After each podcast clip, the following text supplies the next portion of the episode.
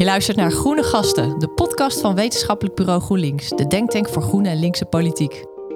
Elke zes weken voeren wij een gesprek met denkers en doeners die Nederland en de wereld eerlijker en duurzamer maken. Mijn naam is Suzanne van de Einde. En ik ben Evert Nieuwenhuis.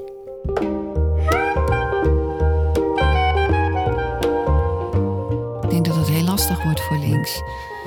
Uh, tegelijkertijd. Ik, ik, ben wat optimistischer. Ik denk ja, dat, merk ik steeds. ja. ja. ja.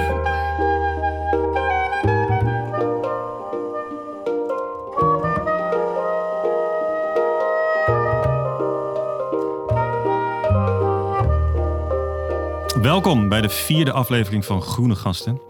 Nog een paar weken en dan zijn de Tweede Kamerverkiezingen. Maar wij gaan het niet hebben over peilingen en alle campagneperikelen. We gaan, zoals je als ons gewend bent, de diepte in.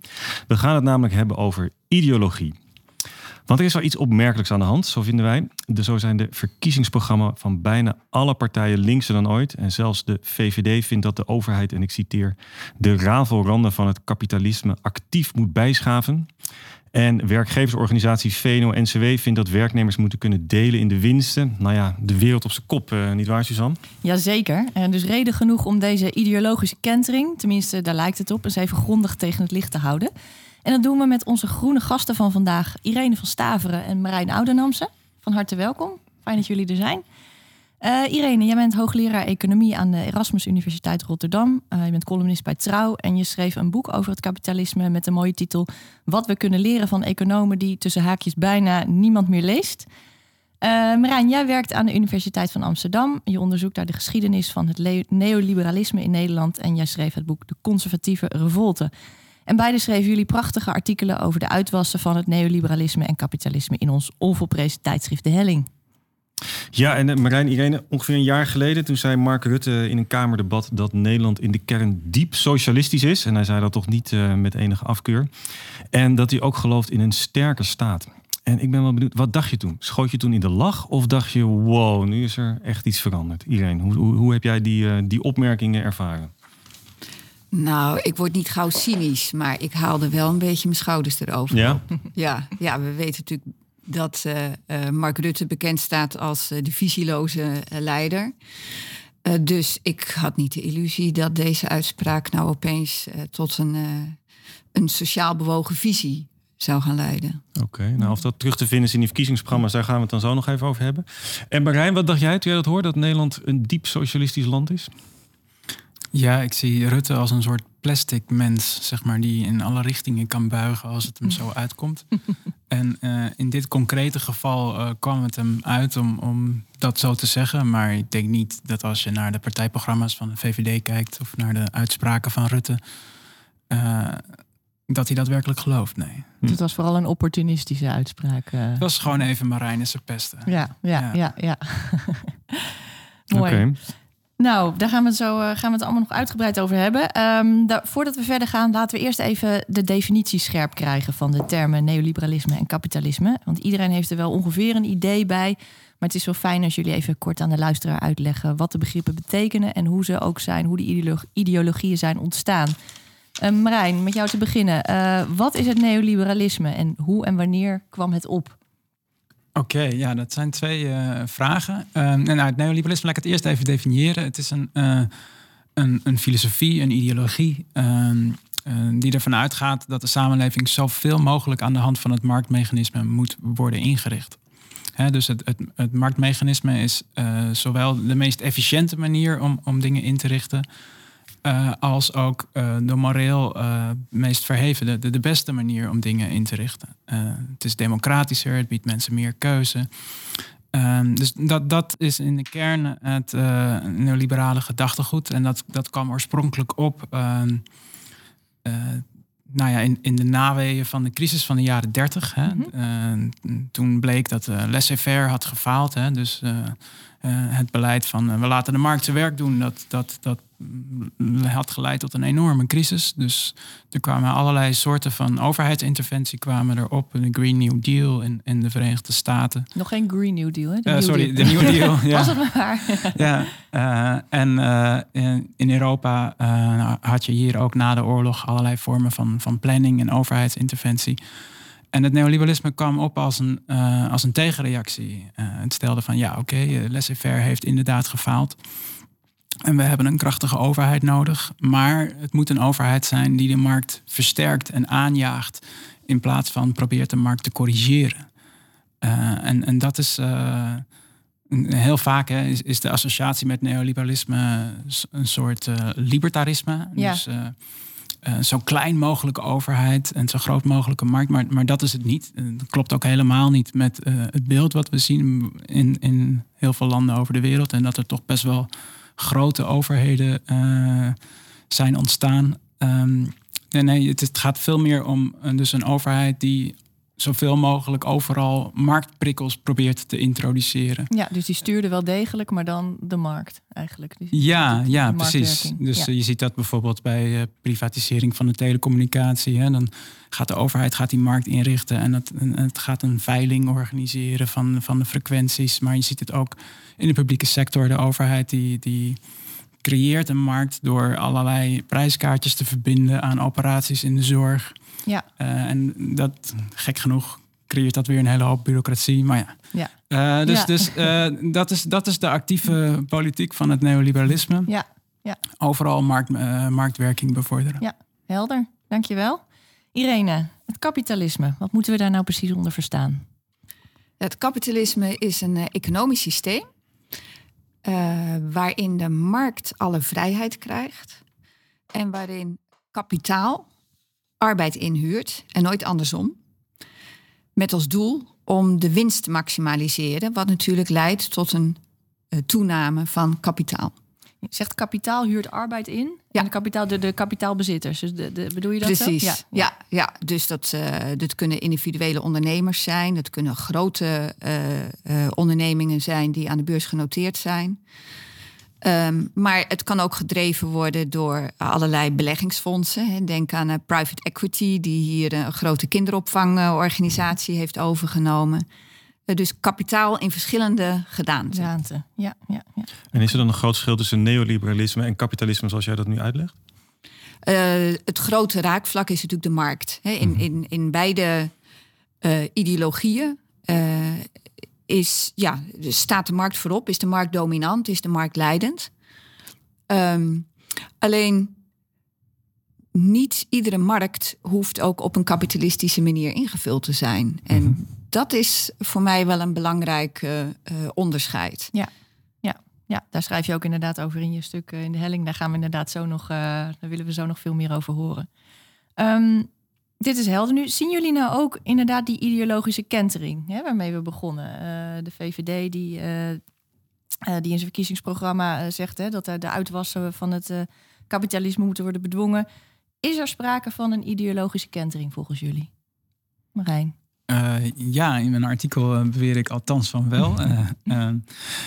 ja, als je gaat kijken naar partijprogramma's van de Nederlandse politieke partijen, dan, dan zie je daar een duidelijke kentering, zelfs bij de VVD. Uh, en ik, zou ook willen zeggen dat dat op mondiale schaal nu plaatsvindt. Als je kijkt naar uh, de zakenkranten zoals de Financial Times of The Economist, dan zie je daar heel duidelijk een, een soort breuk met, nou ja, wat de Financial Times zelf zegt, een breuk met 40 jaar marktgericht beleid. En er moet een radicale verandering komen. Dus dat, doen ze niet uit een, een soort progressief idealisme natuurlijk, maar een, de, het idee is veel meer dat uh, de groeiende ongelijkheid mondiaal uh, en de steeds sterkere concentratie van bedrijfsactiviteit binnen enkele grote multinationals, denk aan Big Tech bijvoorbeeld, dat dat op den duur het kapitalisme zelf ten gronde kan richten. Hè? Want, want als je al die ongelijkheid hebt, dan kunnen mensen ook geen producten meer kopen. Uh, dan uh, krijg je de neiging om heel veel leningen te gaan verstrekken. En iedereen, iedereen gaat op de pof op krediet leven. En dan mm -hmm. krijg je een, een kredietcrisis. En uh, als je van die hele grote bedrijven krijgt die alle concurrentie opkopen, ja, dan, dan ben je eigenlijk steeds meer in de, in, in de richting van een monopolie aan het gaan. En, en niet meer in de richting van de marktwerking, Mhm. die oorspronkelijk het ideaal was voor, voor eh, de dit soort Ja. zakenkranten. Dus eh, zij zien, eh, daarnaast zien ze ook gewoon een, een vergrote instabiliteit. Dus hè, we hebben Brexit gezien, we hebben de opkomst van Trump gezien. Dus het idee is dat de, de groeiende economische ongelijkheid en ook onzekerheid, dat die wel degelijk daarin een rol hebben gespeeld. Dus voor zakelijke elites wereldwijd, eh, die dan bijeenkomen, een, een Davos eh, bij het eh, World Economic Forum en zo, ehm, is er wel echt een, een soort van een breekpunt aan het ontstaan. Mhm. En Maar dat je- zie je ook bij de VVD. eh, Ja, zie je dat. Want jij zei van, hè, het is dus niet nu sprake van een soort, hè, die, die, die verandering, die kentering, die komt niet zozeer voort uit een soort progressief idealisme. Maar wat jij ook beschrijft, lijkt het meer pragmatisch ingegeven. Van, hè, we zien de nadelen, we zien de schadelijke gevolgen van het beleid van de afgelopen jaren. En dat, komt tot, dat leidt tot het besef dat er iets moet veranderen. Ja, nee, precies. Dus het, het, het, het is. eh, er zijn eh, mensen die hebben. Bas Jacobs, een Nederlandse econoom, die heeft een, een stuk geschreven van ja, we moeten het kapitalisme redden van de kapitalisten. Eh, en nu lijkt er toch wel een, een soort. Binnen eh, een, het kapitalisme een bepaalde groep te zijn die eh, wel degelijk eh, ziet dat er dingen structureel moeten veranderen. Ja, En ja, de, de vraag, willen zij een soort van eh, progressieve verandering van machtsverhoudingen wereldwijd? Dat denk ik niet. Ik denk dat zij voornamelijk kijken naar nou ja, de gezondheid van, van het economisch bestel. En dat dat de toekomst daarvan onzeker is. Dus, dus dan moet je wel gaan ingrijpen. dus ze zien eigenlijk dat het, het, het, dat het neoliberalisme gefaald heeft. Dat, daar is een soort erkenning van. Nou, ik zou, zo? ik zou het niet zo direct willen zeggen dat we nu eh, overstappen op een geheel ander paradigma. Hè? Dus het is ook niet heel erg duidelijk wat er voor in de plaats moet komen. Eh, ik denk dat het meer bijschaven is, zoals eh, de VVD zelf ook zegt. Hè? We moeten eh, de rafelranden van het kapitalisme bijschaven. En ik denk dat dat, dat dat nu ook het idee is met het neoliberalisme. Ja, Maar je ziet dus wel, ik hoor je zeggen ook dat het een duidelijk internationale trend is eigenlijk. Die denk ik ook wat langer speelde. Hè. Ik herinner me dat in 2019 er een hele hoos aan boeken was met titels als How to Fix Capitalism en dat soort zaken. Dus het is een wat, ook een, wat, een tendentie wat, die ook voor corona al aan de gang was. Het is echt. Ja, dus het, het, het komt eigenlijk voort uit ehm, het indalende besef dat de respons op de, de financiële crisis van 2008 dat die incorrect was. Hè? Dus, dus na de financiële van crisis van 2008 gingen we bovenal in Europa gelijk op de bezuinigingstoer. Hm. Ehm, en eh, ja, dat eh, heeft er tot best wel veel economische schade geleid. En nu, zeker met eh, de hele lage rentes die er zijn, zien heel veel mensen, zowel economen als politici als opiniemakers, eh, Ja. dat je daar bovenal jezelf mee te pakken hebt. Hoe zie jij dat, Irene? Zie je ook een, een, een historische trendbreuk? Nee, Nee? nee, nee, ik zie ook geen historische trendbreuk. Maar ehm, inderdaad, het, het besef dat het kapitalisme eigenlijk tegen zijn eigen grenzen aanloopt.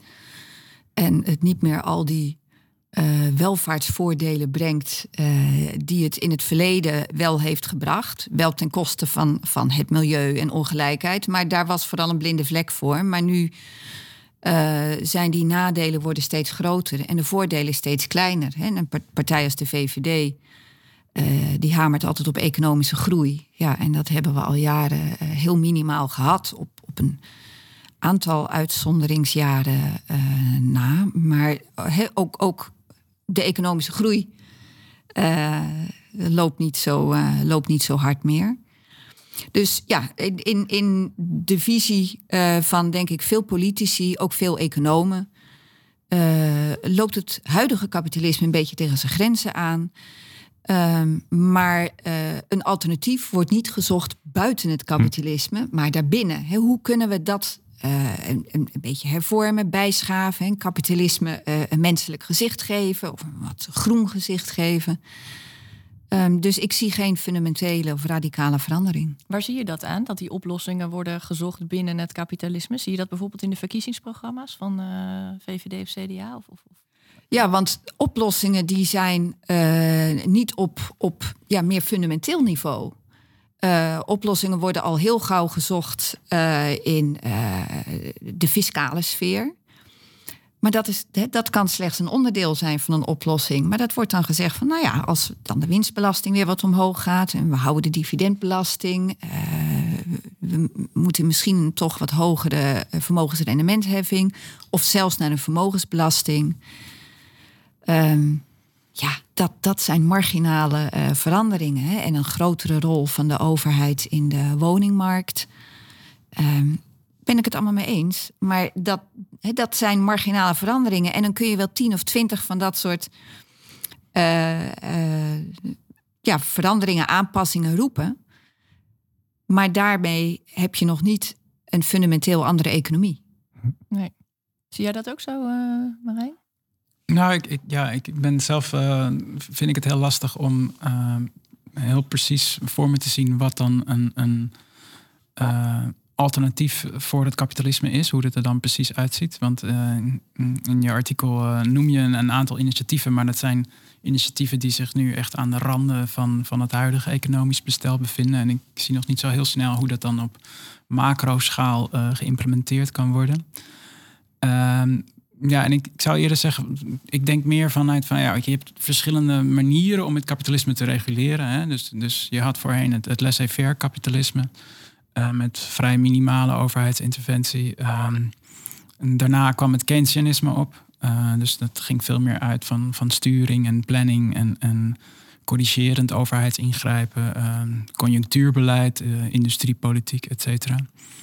Um, en uh, daarna kwam het, neoliberalisme vanaf nou ja, de jaren 70, 80. Um, brak dat door onder Thatcher, Reagan, Lubbers in Nederland.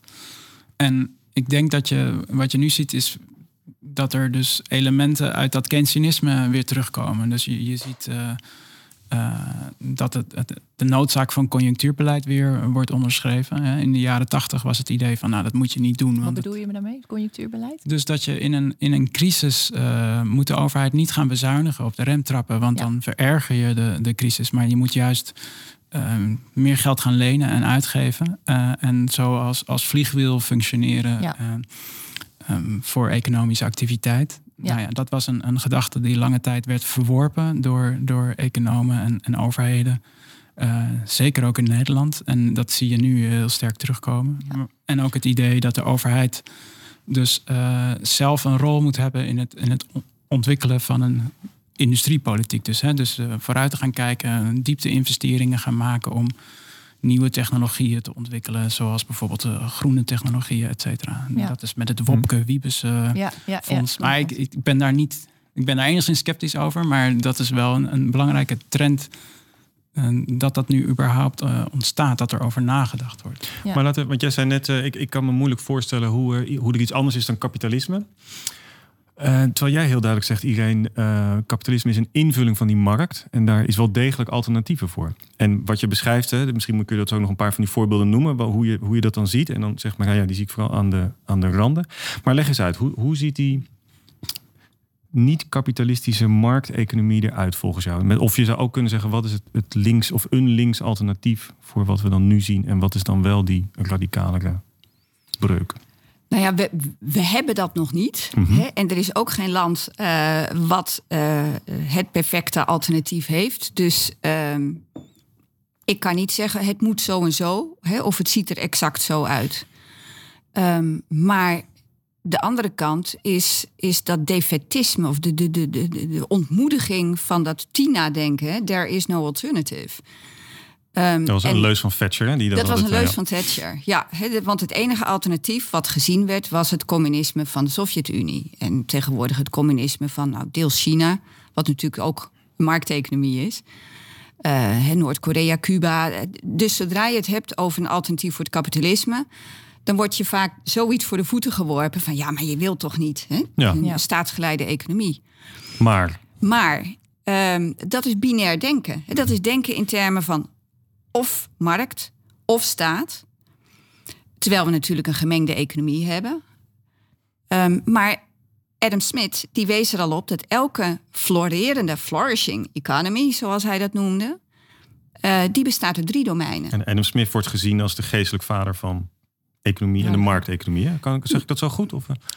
Uh, Adam Smith is eigenlijk de grondlegger van de economische wetenschap. Uh, maar heel veel economen hebben zijn werk niet gelezen en hebben uh, gedacht dat hij het constant had over de onzichtbare hand van de markt en dat je die maar zijn weg moest laten gaan. En zijn dikke boek over economie refereert maar één keer aan de onzichtbare hand. Gewoon als een metafoor in een context. dus heel veel economen interpreteren Adam Smith onjuist. Hm. Het is naar mijn idee volstrekt onterecht om hem in de neoliberale hoek weg te zetten. Hij, hij heeft bijvoorbeeld gezegd.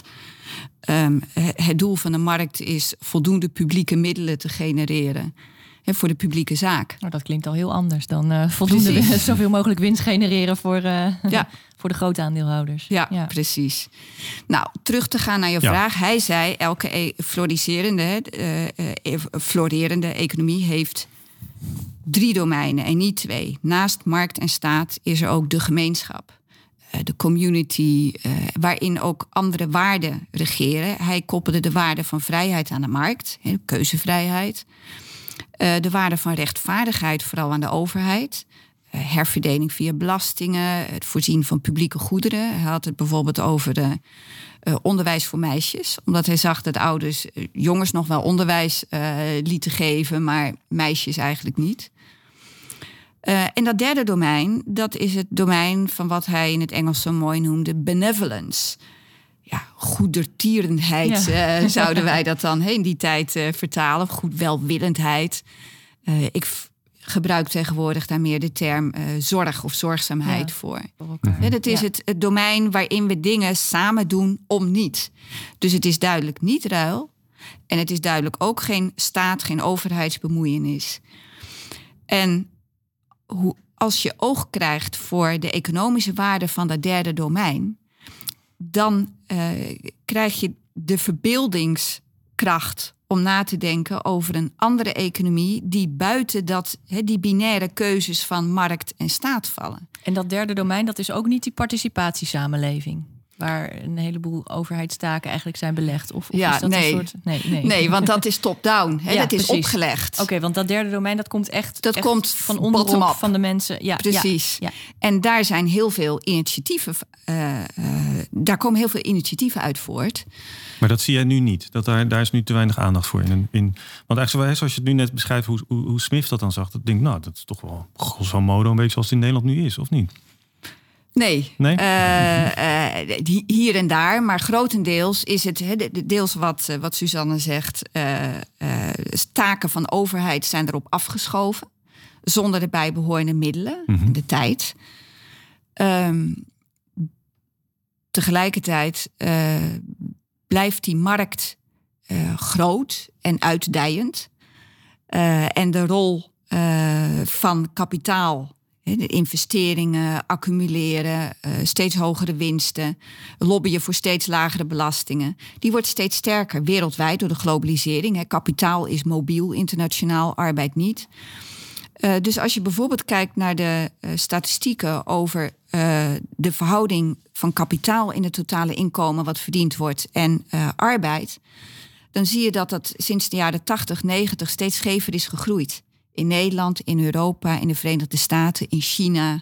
Er wordt wereldwijd. Met ja, met kapitaal wordt veel meer verdiend dan met arbeid. Dan met arbeid, ja. ja. Dat was natuurlijk ook een belangrijk punt in het betoog van uh, Thomas Piketty. Ja. Uh, dus uh, daarmee wordt dat derde domein beperkt tot eigenlijk het leveren van onbetaalde diensten aan de twee andere ja. domeinen. De ja. overheid helpt het om te bezuinigen. En de markt helpt het om uh, gratis of bijna gratis uh, uh, ja, resources te gebruiken. Um, deels natuurlijk het milieu. Um, maar ook een stuk onbetaalde arbeid is het betoog van, van feministische economen. Ja. He, in termen van zorgarbeid. He, door, door middel van, van zorg en opvoeding worden kinderen klaargestoomd voor de arbeidsmarkt. Dus eigenlijk ontstaat het aanbod op de arbeidsmarkt, uh, wordt gratis uh, geleverd. Ja. ja. behalve het gedeelte uh, onderwijs, maar dat wordt dan door de overheid geleverd. Dus marktpartijen, bedrijven, eh, die betalen weliswaar het loon voor arbeid, -hmm. maar niet het menselijk kapitaal plus allerlei andere capabilities, uh, zoals uh, econoom Amartya Sen dat noemt. Hè, de skills en, en ja. mogelijkheden die je hebt. Uh, daar wordt niet voor betaald. Dat, dat, dat, dus dat, dat derde domein heeft eigenlijk niet de ruimte, de autonomie, de mogelijkheden om zelf um, ja, de waarde te genereren die ook erkend wordt. Erkend wordt. En pas in als de dat, ja. economie. En ja. precies, pas als dat gebeurt, dan uh, krijg je een, een, een ja, kleine omslagjes, niet één grote omslag, maar kleine veranderingen. Uh, die dat kapitalisme wegduwt en tegelijkertijd een andere invulling van de markt geeft. Want het wil natuurlijk niet zo zeggen dat dat derde domein alleen maar vrijwilligerswerk is. Nee. Uh, dat, dat, daar heb je deels ook de markt voor nodig. Denk aan mensen die zeggen: uh, ik wil geen energie meer afnemen van grote energiereuzen. Uh, die bedrijven die uh, zijn er vooral voor de aandeelhouder. Ja. ik wil off the grid. Nou, dan heb je zonnepanelen of een hele groep, een buurt, een dorp. financiert een windmolen, hebben ze hun eigen windturbine. Maar natuurlijk moeten ze die materialen kopen op de markt. Dus het is niet zo van, goh, dan gaan wij zelf proberen een zonnepaneel te maken. Nee, dat zou heel kneuterige oplossing zijn. Ja, je houdt gewoon een markteconomie, maar die domeinen zijn meer in evenwicht. Hm. En, en, en hoe, hoe is dat nou uh, gekomen dat die, zoals je het in je artikel noem je het heel mooi, dat dat kapitalisme met de markt aan de haal is gegaan? Waarom, waarom heeft dat kapitalisme eigenlijk alles uh, zo over, ja, overheerst? Nou, deels uh, uh, natuurlijk wat eerder gezegd is, uh, dat neoliberalisme. Hè, dat hele idee dat de markt efficiënter is, beter is, beter voor welvaart zorgt. beter omgaat met schaarse middelen. maar deels heeft Karl Marx dat al voorzien mm -hmm. in mhm. zijn analyse van het kapitalisme. hij voorzag al dat het kapitalisme omdat het zo gefocust is op het accumuleren van kapitaal, uh, uiteindelijk ertoe zal leiden dat kleinere bedrijven opgeslokt worden door grotere bedrijven. Uh, je hebt schaalvoordelen als je op grotere schaal produceert. Dus de productiekosten per eenheid gaan naar beneden. Waardoor je grotere kans hebt om de concurrentie te overleven. Dus dat wordt een zichzelf versterkend proces. Waardoor je uiteindelijk steeds minder bedrijven overhoudt. En een, in elke sector uh, of uh, een monopolie of een aantal uh, oligopolisten. waardoor eigenlijk het kapitalisme zichzelf op termijn al hm. om zeep helpt als het gaat om die concurrentie okay. op de vrije markt. Ja. Marijn, Irene beschrijft hier een paar ja, aspecten van zo'n niet-kapitalistisch ingerichte markt. Is dat overtuigend voor jou?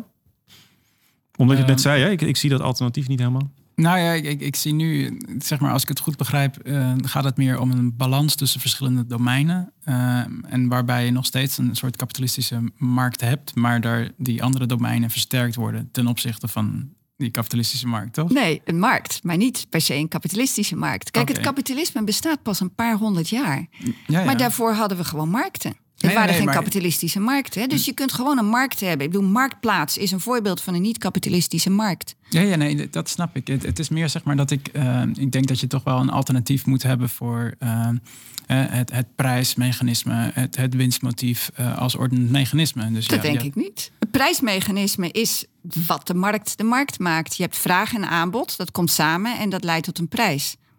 Dus dat, dat is niet kapitalistisch, dat is een kenmerk van een markt dus ik denk dat we de markt moeten behouden. Ja. Uh, maar niet de kapitalistische invulling van de markt. En wat is dan die kapitalistische invulling van, markt, van de markt? Dat is dat kapitaal arbeid inhuurt en nooit andersom. Uh, en dat accumulerend principe, dat begint bij geld, dan een goed gebruikt slecht als middel om meer geld te accumuleren. Maar een pre-kapitalistische markt begint met een goed. Geld is een ruilmiddel en je kunt weer een ander goed kopen. En als we die twee mechanismes veranderen, dan hebben we nog steeds een markt met dus een prijsmechanisme, met ruil, met ook winst, maar niet meer een kapitalistische uh, markt. En daar zijn voorbeelden van, he, coöperatieve bedrijven. Mhm. Daarin zijn kapitaal en arbeid gelijkwaardig. Of soms zelfs beginnen ze met arbeid en wordt er kapitaal daarbij gezocht. Dus dan is het kapitaal zelfs ondergeschikt aan arbeid. We zien ook grote bedrijven uh, die een groot deel van hun aandeelen stoppen in een onafhankelijk fonds met een goed doel. Het zogenoemde steward ownership. Uh, Carlsberg in Denemarken, al, de oprichter al meer dan 100 jaar geleden, heeft dat toen zo vastgelegd. Bosch in Duitsland, een groot deel van de aandelen is in handen van een stichting die daarmee gezondheidszorg financiert. Hm. Oké, okay, maar zie je dat als goede alternatieven? Nou, ik, of is dat overtuigend voor, voor jou? Voor mij is het heel abstract, zeg maar. Dus, en, en, nou, dit zijn hele concrete voorbeelden, toch? Nee, nee, maar ik bedoel heel abstract, zeg maar. Van, je, je definieert het kapitalisme aan de hand van, uh, zeg maar, uh, arbeid dat kapitaal inhuurt... of kapitaal dat arbeid inhuurt. En wat, waar, dus dit is gewoon een andere manier van denken, denk mm -hmm. ik. Dus ik, ik wil eigenlijk, ik ben ook meer benieuwd van, nou ja... Uh, welke concrete krachtsverhoudingen zie je die een alternatief uh, mogelijk maken? En uh, hoe ga je dat dan politiek gezien zo'n hervorming vormgeven? En, en, welke politieke partijen zijn er die dat mogelijk maken? Welke sociale bewegingen zie je dat dat mogelijk maakt? -hmm. En uh, ja, dan ben ik zelf uh, vrij sceptisch over dat. Dat zie je niet terug in verkiezingsprogramma's nu. Dat nou, zeg maar, ik zie het niet terug in, in uh, electorale krachtsverhoudingen. Dus linkse partijen zijn uh, historisch zwak op het moment. Ehm, ik denk dat er, als je kijkt naar maatschappelijk middenveldorganisaties zoals vakbonden, zijn niet historisch gezien uh, heel erg sterk of invloedrijk op het moment. Dus ik, ik, zie niet zo heel snel uh, hoe uh, degenen die het meest baat hebben bij het huidige kapitalistische systeem, hoe die gaan zeggen van ja jongens, we gaan een investeringsfonds creëren waarin alle, alle werknemers die krijgen evenveel zeggingskracht over waar we gaan investeren en, en hoe we beslissingen gaan maken over uh, onze economische activiteiten voor de komende tijd. Dus ik, ik, denk dat je daar strijd voor nodig hebt. En, en dus ik, ik zie zelf eigenlijk meer de. Uh, ik, denk dat het een vergelijkbare discussie is, maar ik zie hem op een ander niveau. En dat, dat is de discussie over uh, degrowth of, of uh, Green New Deal. Hè? Dat is eigenlijk voor mij eigenlijk de bepalende discussie over en met die growth is dat je streeft naar minder groei, toch? Minder economische ja, groei. dus er zijn eigenlijk twee. Kijk, de, de, dominante benadering nu is: we zitten nu in een coronacrisis, er komt een klimaatcrisis aan. Uh, we hebben een, een, economisch systeem dat, dat niet duurzaam is. Uh, we moeten nu heel veel gaan investeren om, um, om dat herstel op gang te krijgen. Uh, en wat je hoort van Timmermans en wat je hoort van Biden is van ja, we moeten een nieuwe groeicyclus gaan bewerkstelligen. Hè, dus dus dat is eigenlijk heel erg geënt op de jaren 30. Uh, eh, toen was het idee van ja, oké, we zitten in een, diepe crisis. We moeten nu investeringen gaan maken in, in uh, infrastructuur. Denk aan bijvoorbeeld de Hooverdam in de Verenigde Staten of zo. En, en dan op basis daarvan kun je een, een, een, nieuwe cyclus van economische groei bewerkstelligen. Nou, dat is, dat is zeg maar ehm, wat, wat men nu in de mainstream politiek probeert te bewerkstelligen. En ik, ik weet niet eens of dat heel erg overtuigend is, maar, maar het, het soort van alternatief van linkerzijde is om te zeggen van ja jongens, uh, als we een nieuwe groeicyclus gaan hebben, dan gaan we gewoon meer grondstoffen gebruiken. Het hmm. is niet zo dat, dat, dat je dat zo 1, 2, 3 van elkaar kan loskoppelen. Uh, en uh, dat is niet de kant op. maar die pleidooien zijn er toch wel voor een meer circulaire samenleving. Toevallig heeft het WB daar net een mooi rapport over uitgebracht. Ja, dus, dus, dus zeg maar, maar daar zal, zit het alternatief in hmm. veel meer in van oké, eh, we moeten met z'n allen minder gaan werken. Uh, we, moeten, we hebben eigenlijk niet meer economische groei nodig, maar we hebben een andere definitie nodig van, van wat groei is. Uh, en dat is denk ik veel meer, dat ligt in de lijn van een, een soort van alternatief voor het kapitalistische systeem. Ik zie het nog steeds wel zie er niet echt een enorme breuk met dat systeem erin. Maar dus dan ga je eigenlijk naar decommodificatie. Dus een minder activiteit die, waar een prijskaartje op zit, mm. zo gezegd. Mhm. en, en, nog even terug naar het, naar het hier en nu. Want jij zegt, hè, de, de, uh, er is een verschuiving gaande, heb je geconstateerd. Er is, de, de, de, uh, er is meer, uh, meer kritiek op het neoliberalisme, op het kapitalisme. Dus er, er, er, er verandert iets. Um, hoe hoopgevend is die verschuiving nu? En, en, en is het voldoende om bijvoorbeeld nou, de, de toeslagenaffaire, uh, om dat niet nog een keer te laten gebeuren? Of, of, of is er dan. Ja, wat, wat kunnen, we, kunnen we er nou hoop uit putten eigenlijk? Hè? Is het, gaat, gaat dat toch voor een, wel voor een verandering zorgen die bepaalde uitwassen die we nu gezien hebben minder gaat, uh, gaat laten plaatsvinden? Nou, ik ben daar enigszins sceptisch over. Dus ik, ik denk dat je. De, de grote vraag is: hè, van, van nu, in tijden van de corona-epidemie, is het gewoon. Uh, pragmatisch noodzakelijk om, om heel stevig in te grijpen vanuit uh, de overheid uh, om mensen te ondersteunen, zodat de economie niet helemaal stilvalt. Mm -hmm. en onder die uitzonderlijke omstandigheden zie je inderdaad ook een, een, een stevige zeg maar, draai naar links tussen aanhalingstekens binnen alle programma's van de politieke partijen.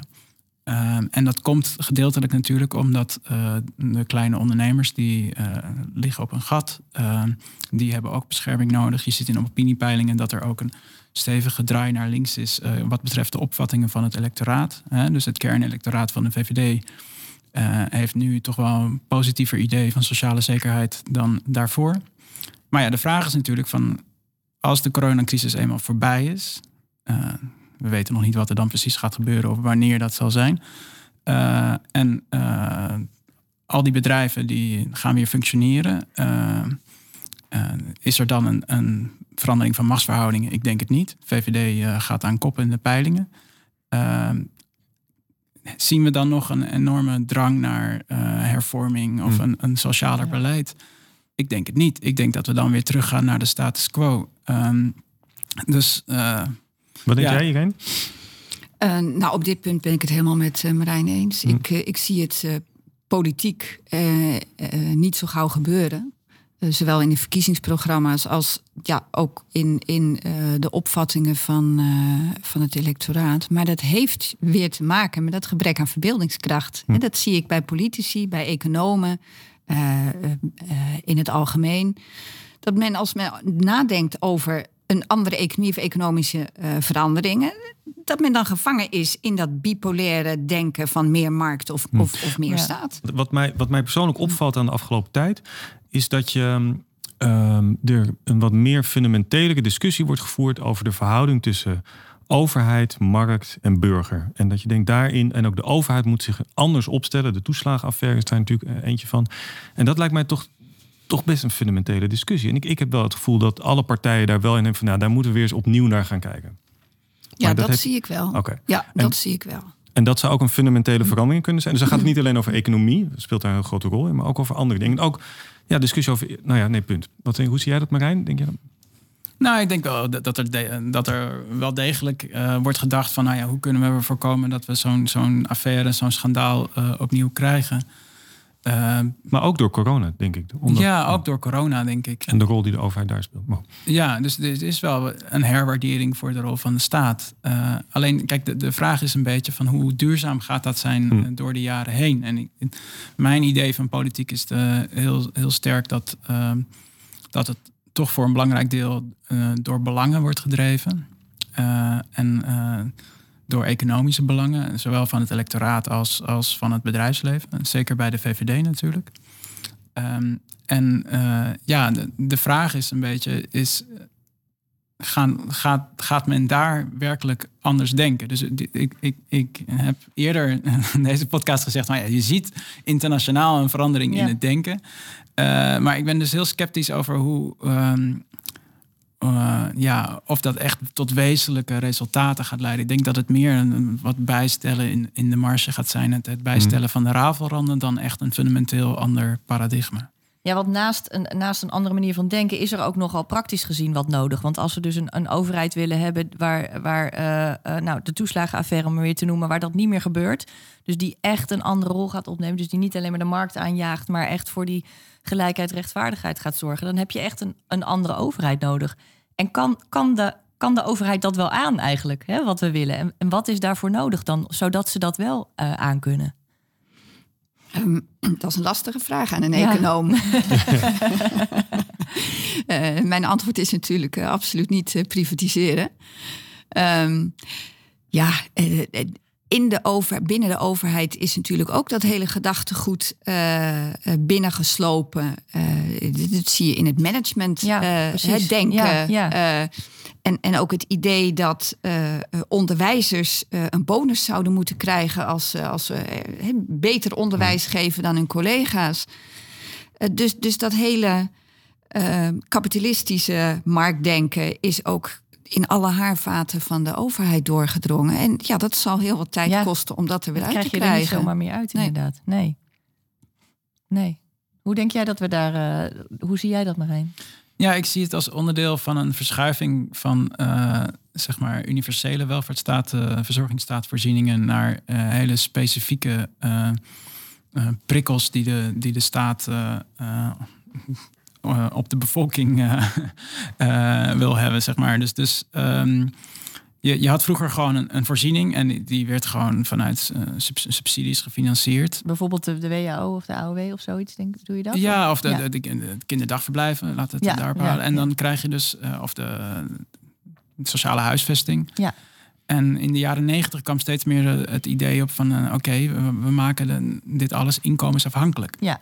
En we gaan heel specifiek uh, via de Belastingdienst of via het UWV of via al die uh, uitvoerende instanties uh, gaan we kijken zeg maar, hoe we precies op, op inkomen precies de juiste prikkels kunnen krijgen. Dat, dat mensen niet door allerlei sociale voorzieningen um, de motivatie kwijtraken om te gaan werken. Hè? Dat, dat was het, het, het belangrijkste motivatie voor beleid toen. En uh, je ziet dus dat, dat er dus een hele uh, machinerie is opgetuigd uh, om te controleren of dat daadwerkelijk het geval is. Dat werd dan de activerende overheid genoemd. Um, en dat werd ook een, een repressieve overheid.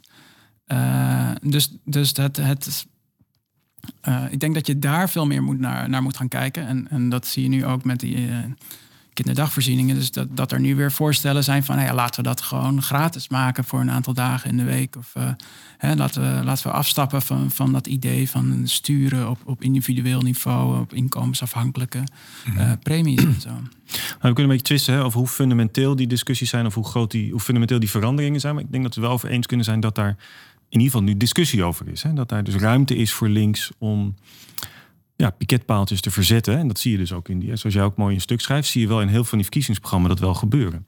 En ook die voorbeelden die we net noemden. Mijn vraag is, vinden jullie dat uh, links en misschien ook wel GroenLinks uh, die ruimte genoeg pakt?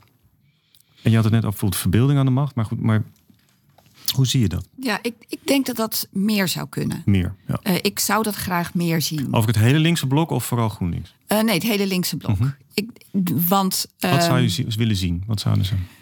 Uh, ik zou willen zien dat er niet in een automatische reflex gegrepen wordt naar meer overheid en minder markt. Okay. Maar dat er gekeken wordt van wat willen burgers zelf en wat doen ze al? Welke initiatieven zouden we moeten versterken ja. en ondersteunen? Um, dus ja, dat, dat is één. en, en ten tweede denk ik dat het ook wel nodig zou zijn als links dit soort fundamentele debatten houdt. Um, maar dan met een meer langere termijn visie. Mm -hmm. Het gaat nu, heb ik het idee, toch vaak weer over ja, de aankomende verkiezingen en de komende vier jaar. Um, en ja, waar ik het met Marijn eens ben, dat hij zegt: ik, ik zie het nog niet zo gauw, die alternatieven. Ja, maar die zie je ook, die komen ook pas op de lange termijn. Dus daar heb je een lange termijn visie voor nodig. Hm. En uh, ja, dat, dat uh, zou wat mij betreft ook meer mogen, ook binnen GroenLinks. Hoe zou jij graag willen dat de economie eruit ziet in Nederland, in Europa, uh, over 30, 40 jaar? Ja. Mm -hmm. En dan de economie, dus en dan, dan, dan zie jij natuurlijk graag hè, de, de, de, economie volgens de drie uh, pijlers, zeg maar. Jij een noemde, nieuwe maar, balans nieuwe tussen balans, die ja. uh, drie domeinen, waarbij die domeinen uh, op een andere manier ook met elkaar verbonden zijn. Mm -hmm. Hè, om weer dat voorbeeld van een, een, een werknemerscoöperatie te noemen. Daar is de markt en het gemeenschapsdomein is zo met elkaar verbonden dat er gelijkwaardigheid is. Eh, Ja. tussen die factor kapitaal en, en arbeid. En daar heb je niet veel overheid voor nodig. Hm. Wel in de zin van het faciliteren in Ja. regelgeving en het misschien ook fiscaal wat makkelijker te maken voor eh, coöperaties hè, de eerste jaren om, om op gang te komen, omdat ze geen extern kapitaal aantrekken op de beurs. Dus in die zin zou de overheid in plaats van het faciliteren van het, hè, traditionele marktpartijen. Eh, eh, nieuwe vormen van samenwerking in de markt eh, kunnen faciliteren. Nou, dat zou ik graag willen zien. Marijn, zie jij dat? Pa- Pak links genoeg de ruimte die er ontstaat? Nou, ik denk wel dat er, dat er eh, een, een ongekend ambitieniveau zit in de eh, partijprogramma's van eh, de linkse partijen. Hè? Verhoging van het minimumloon. eh, GroenLinks wil een soort eh Piketty eh, startinkomen of een startvermogen voor mensen. Ja. Eh, ja, en, eh, en bedoel, ja, echt, echt een best wel ambitieuze plannen die. Nou, tien jaar geleden had je dit echt niet kunnen denken. Toen waren de linkse partijen echt heel erg bevreesd om eh, uit de boot te vallen eh, en negatief gewaardeerd te worden Had je door het, Dijsselbloem, toch? door het Centraal Planbureau. Eh, ja, en, en Dijsselbloem die van die opmerkingen maakte over dat, dat dat soort plannen leuke dingen voor de mensen waren. Maar dat ging toch uiteindelijk om, eh, ja, om het eh, begrotingstekort om dat eh, te minderen. Hm. Maar, maar dus je, je ziet de voorstellen wel. En denk je dat daar ook die ruimte mee gepakt gaat worden? Dat we dus inderdaad Nederland een stuk naar links kunnen krijgen? Nou, ik denk Nog dus dat het heel moeilijk is om, Mhm. om, om in het publieke debat daar nu aandacht voor te krijgen. En ik, ik, ik heb ook het gevoel dat, het komt ook door corona hoor, maar dat het, het is heel erg van eh, even snel een mediamomentje hier pikken en een Mhm. mediamomentje daar pikken. En ik, eh, ik mis inderdaad wat iedereen zegt, een soort van een, een poging om op langere termijn meer een bepaalde visie uit te dragen over waar we naartoe willen. Zie je dat dan ook niet in, die, in de verkiezingsprogramma's terug? Hè? Daar, daar zie je toch wel plannen voor, nou, ja, voor eh, hoe, hoe dingen rechtvaardiger kunnen worden. Zo spreekt toch wel een wens uit voor een meer gelijkwaardig, meer rechtvaardige samenleving. Ehm, Ja, ja nee, nee, nee, nee ja. dat zie ik zeker in de verkiezingsprogramma's terug. Maar ik bedoel, ik, ik denk dat je veel meer de boer op moet als politieke partij om je visie ook echt te verkondigen, eh, om daar eh, boeken over te schrijven, om, om zeg maar eh, veel meer een idee te geven van, ja, oké, dit is niet alleen maar een programmapuntje. in Nee, ons- maar het is echt dit, een- dit is echt een, een maatschappijvisie die wij hier ontvouwen. ja. En dat moet je, dat, om zoiets te ontwikkelen, heb je daar verschillende, toch wel een aantal jaren, Ja, jaren voor nodig. Ja. Eh, hè, dus, dus als je kijkt naar de jaren ehm 40, 50, ik denk even aan eh, het rapport van de PvdA, De Weg naar Vrijheid, waarmee het, eh, het naoorlogs eh, socialisme op de kaart zette. Nou ja, dat is een rapport van ehm 300 pagina's ongeveer. Waarin dus eh, op het de hele eh, maatschappelijk niveau wordt, wordt uitgelegd van, nou ja, dit is, dit is wat wij voorstaan eh, als socialistische visie, geschreven door, door Den Uyl. Mhm. Ehm, en ja, dat, dat- op basis daarvan heb je, zie je dus hele uitgebreide discussies in, in het partijblad. En, en ja, dat het blijft een soort van toonaangevende visie in, in de twintig jaar daarna. Ja. Eh, en, en een vergelijkbaar debat op links, van, wa- waarin er eigenlijk een heleboel mensen tegelijkertijd van bezig zijn met het uitdragen van een bepaalde visie. Dat zie ik niet. Ik, veel, ik zie veel meer dat er zijn een paar mensen die hebben gewerkt aan zo'n partijprogramma. En dan is er een mediateam dat er even een paar tweetjes uitstuurt en, eh, en een paar eh, stukjes in de krant krijgt. Eh, en, en dus het is een, een stuk oppervlakkiger dan, eh, dan voorheen. En denk je dat dat ook de reden is dat vooralsnog eh linkse partijen in de peilingen eh, niet lijken te profiteren van in ieder geval de, de, de, de verschuiving, de ruk naar links die toch is ontstaan? Dat is natuurlijk eigenlijk heel gek. Ja, nou, daar is wel een, een, een goede verklaring voor te geven. En dat is dat, dat die culturele thema's heel erg dominant zijn geworden in het debat. En dat linkse partijen daar traditioneel heel slecht op doen. En culturele thema's bedoel je Zwarte Pieten debat zo? Ja, er wordt wel over de drie I's gesproken. Hè? Dus immigratie, islam en identiteit. Eh, dus als het debat daarover gaat, dan verliezen de linkse partijen. Ehm, eh, als het debat over sociaal-economische thema's gaat, waar Maar je zou kunnen, en dus Black Lives Matter, dat dat nou weer juist bij uitstek een, een links, GroenLinks kan daar uitstekend mee uit de voeten, denk ik. Ja, GroenLinks kan daar uitstekend mee uit de voeten. Maar ik denk dat als je kijkt eh, hè, naar veel eh, klassieke stemmers op links, op de sociaaldemocratie en op de SP, Hm. die zijn sociaal-economisch voor meer herverdeling en meer linksbeleid, maar sociaal-cultureel vrij conservatief. En de, de grote vraag voor de linkse politiek in het algemeen is: hoe houd je zo'n coalitie bij elkaar van aan de ene kant meer zeg maar, uh, gekleurde en, en cosmopolitische uh, groepen in, in de grote steden. En aan de andere kant wat behoudender groepen in, in, in de provincie of hm. in, in hè, die desalniettemin sociaal-economisch links zijn. Denk jij dat ook, Irene, dat de drie I's, de radicale economische hervormingen, in de weg staan? Ik had nog niet van de drie I's gehoord. Okay. Ehm, maar uh, ik, ik, ja, ik, ik deel uh, deze visie wel uh, van, van Marijn. Ik denk dat het heel lastig wordt voor links. Uh, tegelijkertijd. Ik, ik, ben wat optimistischer. Ik denk ja, dat, merk ik steeds. Ja, ja. ja, maar weet je, er is natuurlijk aan, aan de uh, zijde van uh, economen ook zo'n gebrek aan ruimte om het anders te denken in de economische opleiding. En daarom is er ook de wereldwijde beweging van Rethinking Economics. studenten, studenten-economie, die zeggen van nou wat wij leren is alleen maar het neoliberale model. Ja. En het perfectioneren hè, van, van, van zo'n economie. En wij willen breder leren, wij willen meer inzichten. Uh, omdat wij willen werken aan een wereld waarin wij kunnen floreren en onze kinderen en kleinkinderen. Hè, een, een wereld die uh, geen uh, opwarming heeft van meer dan 1,5 graden, waarin meer gelijkheid is. zij ehm, noemen juist ook die identiteitsthema's. Want uh, ja, de middelbare schoolklassen tegenwoordig, ook in, het, uh, in de provincies, die zijn veel diverser ja. uh, geworden. Dus zij denken inclusiever. Zij willen een economie die inclusiever is, die, die sociaal rechtvaardiger is, die, die werkelijk die omslag maakt naar de groene economie. Mm -hmm.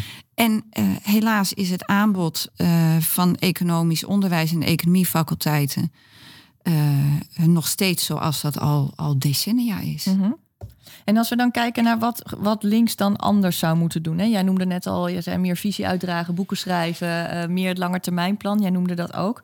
Um, kunnen we iets leren van, want jij zei die kentering is ook in de rest van Europa gaande. Uh, er zijn in, in Europa, even in de rest van de wereld eigenlijk gaande. In Europa zijn, doen groene partijen het heel goed.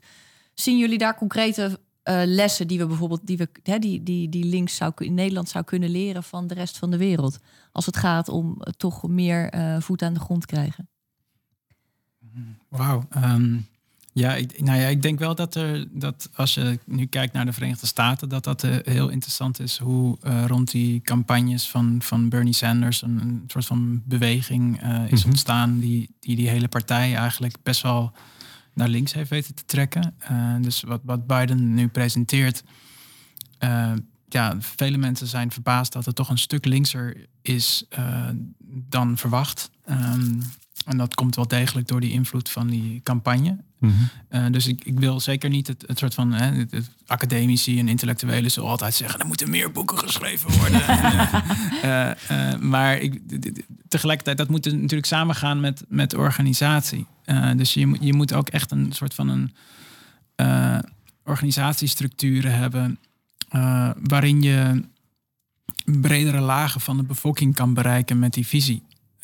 En, en dat gewoon een, een normaal onderdeel van, van hun leven uh, zien uh, te maken. En dat is denk ik, uh, ja, er, er is een, een breder achtergrondverhaal dat, dat de politieke partijen in Nederland, dat waren vroeger organisaties met, met hele uitgebreide structuren waar, waar vele tienduizenden mensen in actief waren.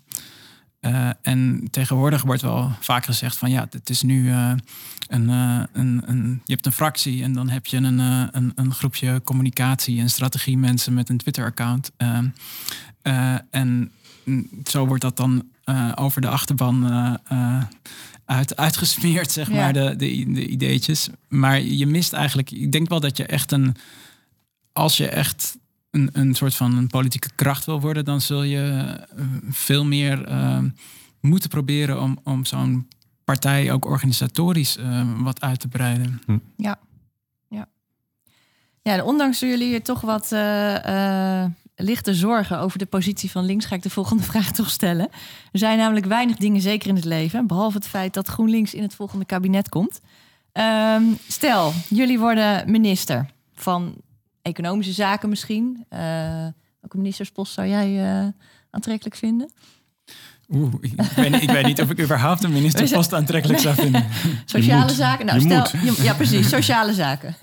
um, wat ga je in je eerste honderd dagen doen? Echt aan concrete veranderingen doorvoeren. Irene. Oh, dat is een mooie uitdaging. Uh, ja, inderdaad. Ja, ik zie het me niet gauw doen.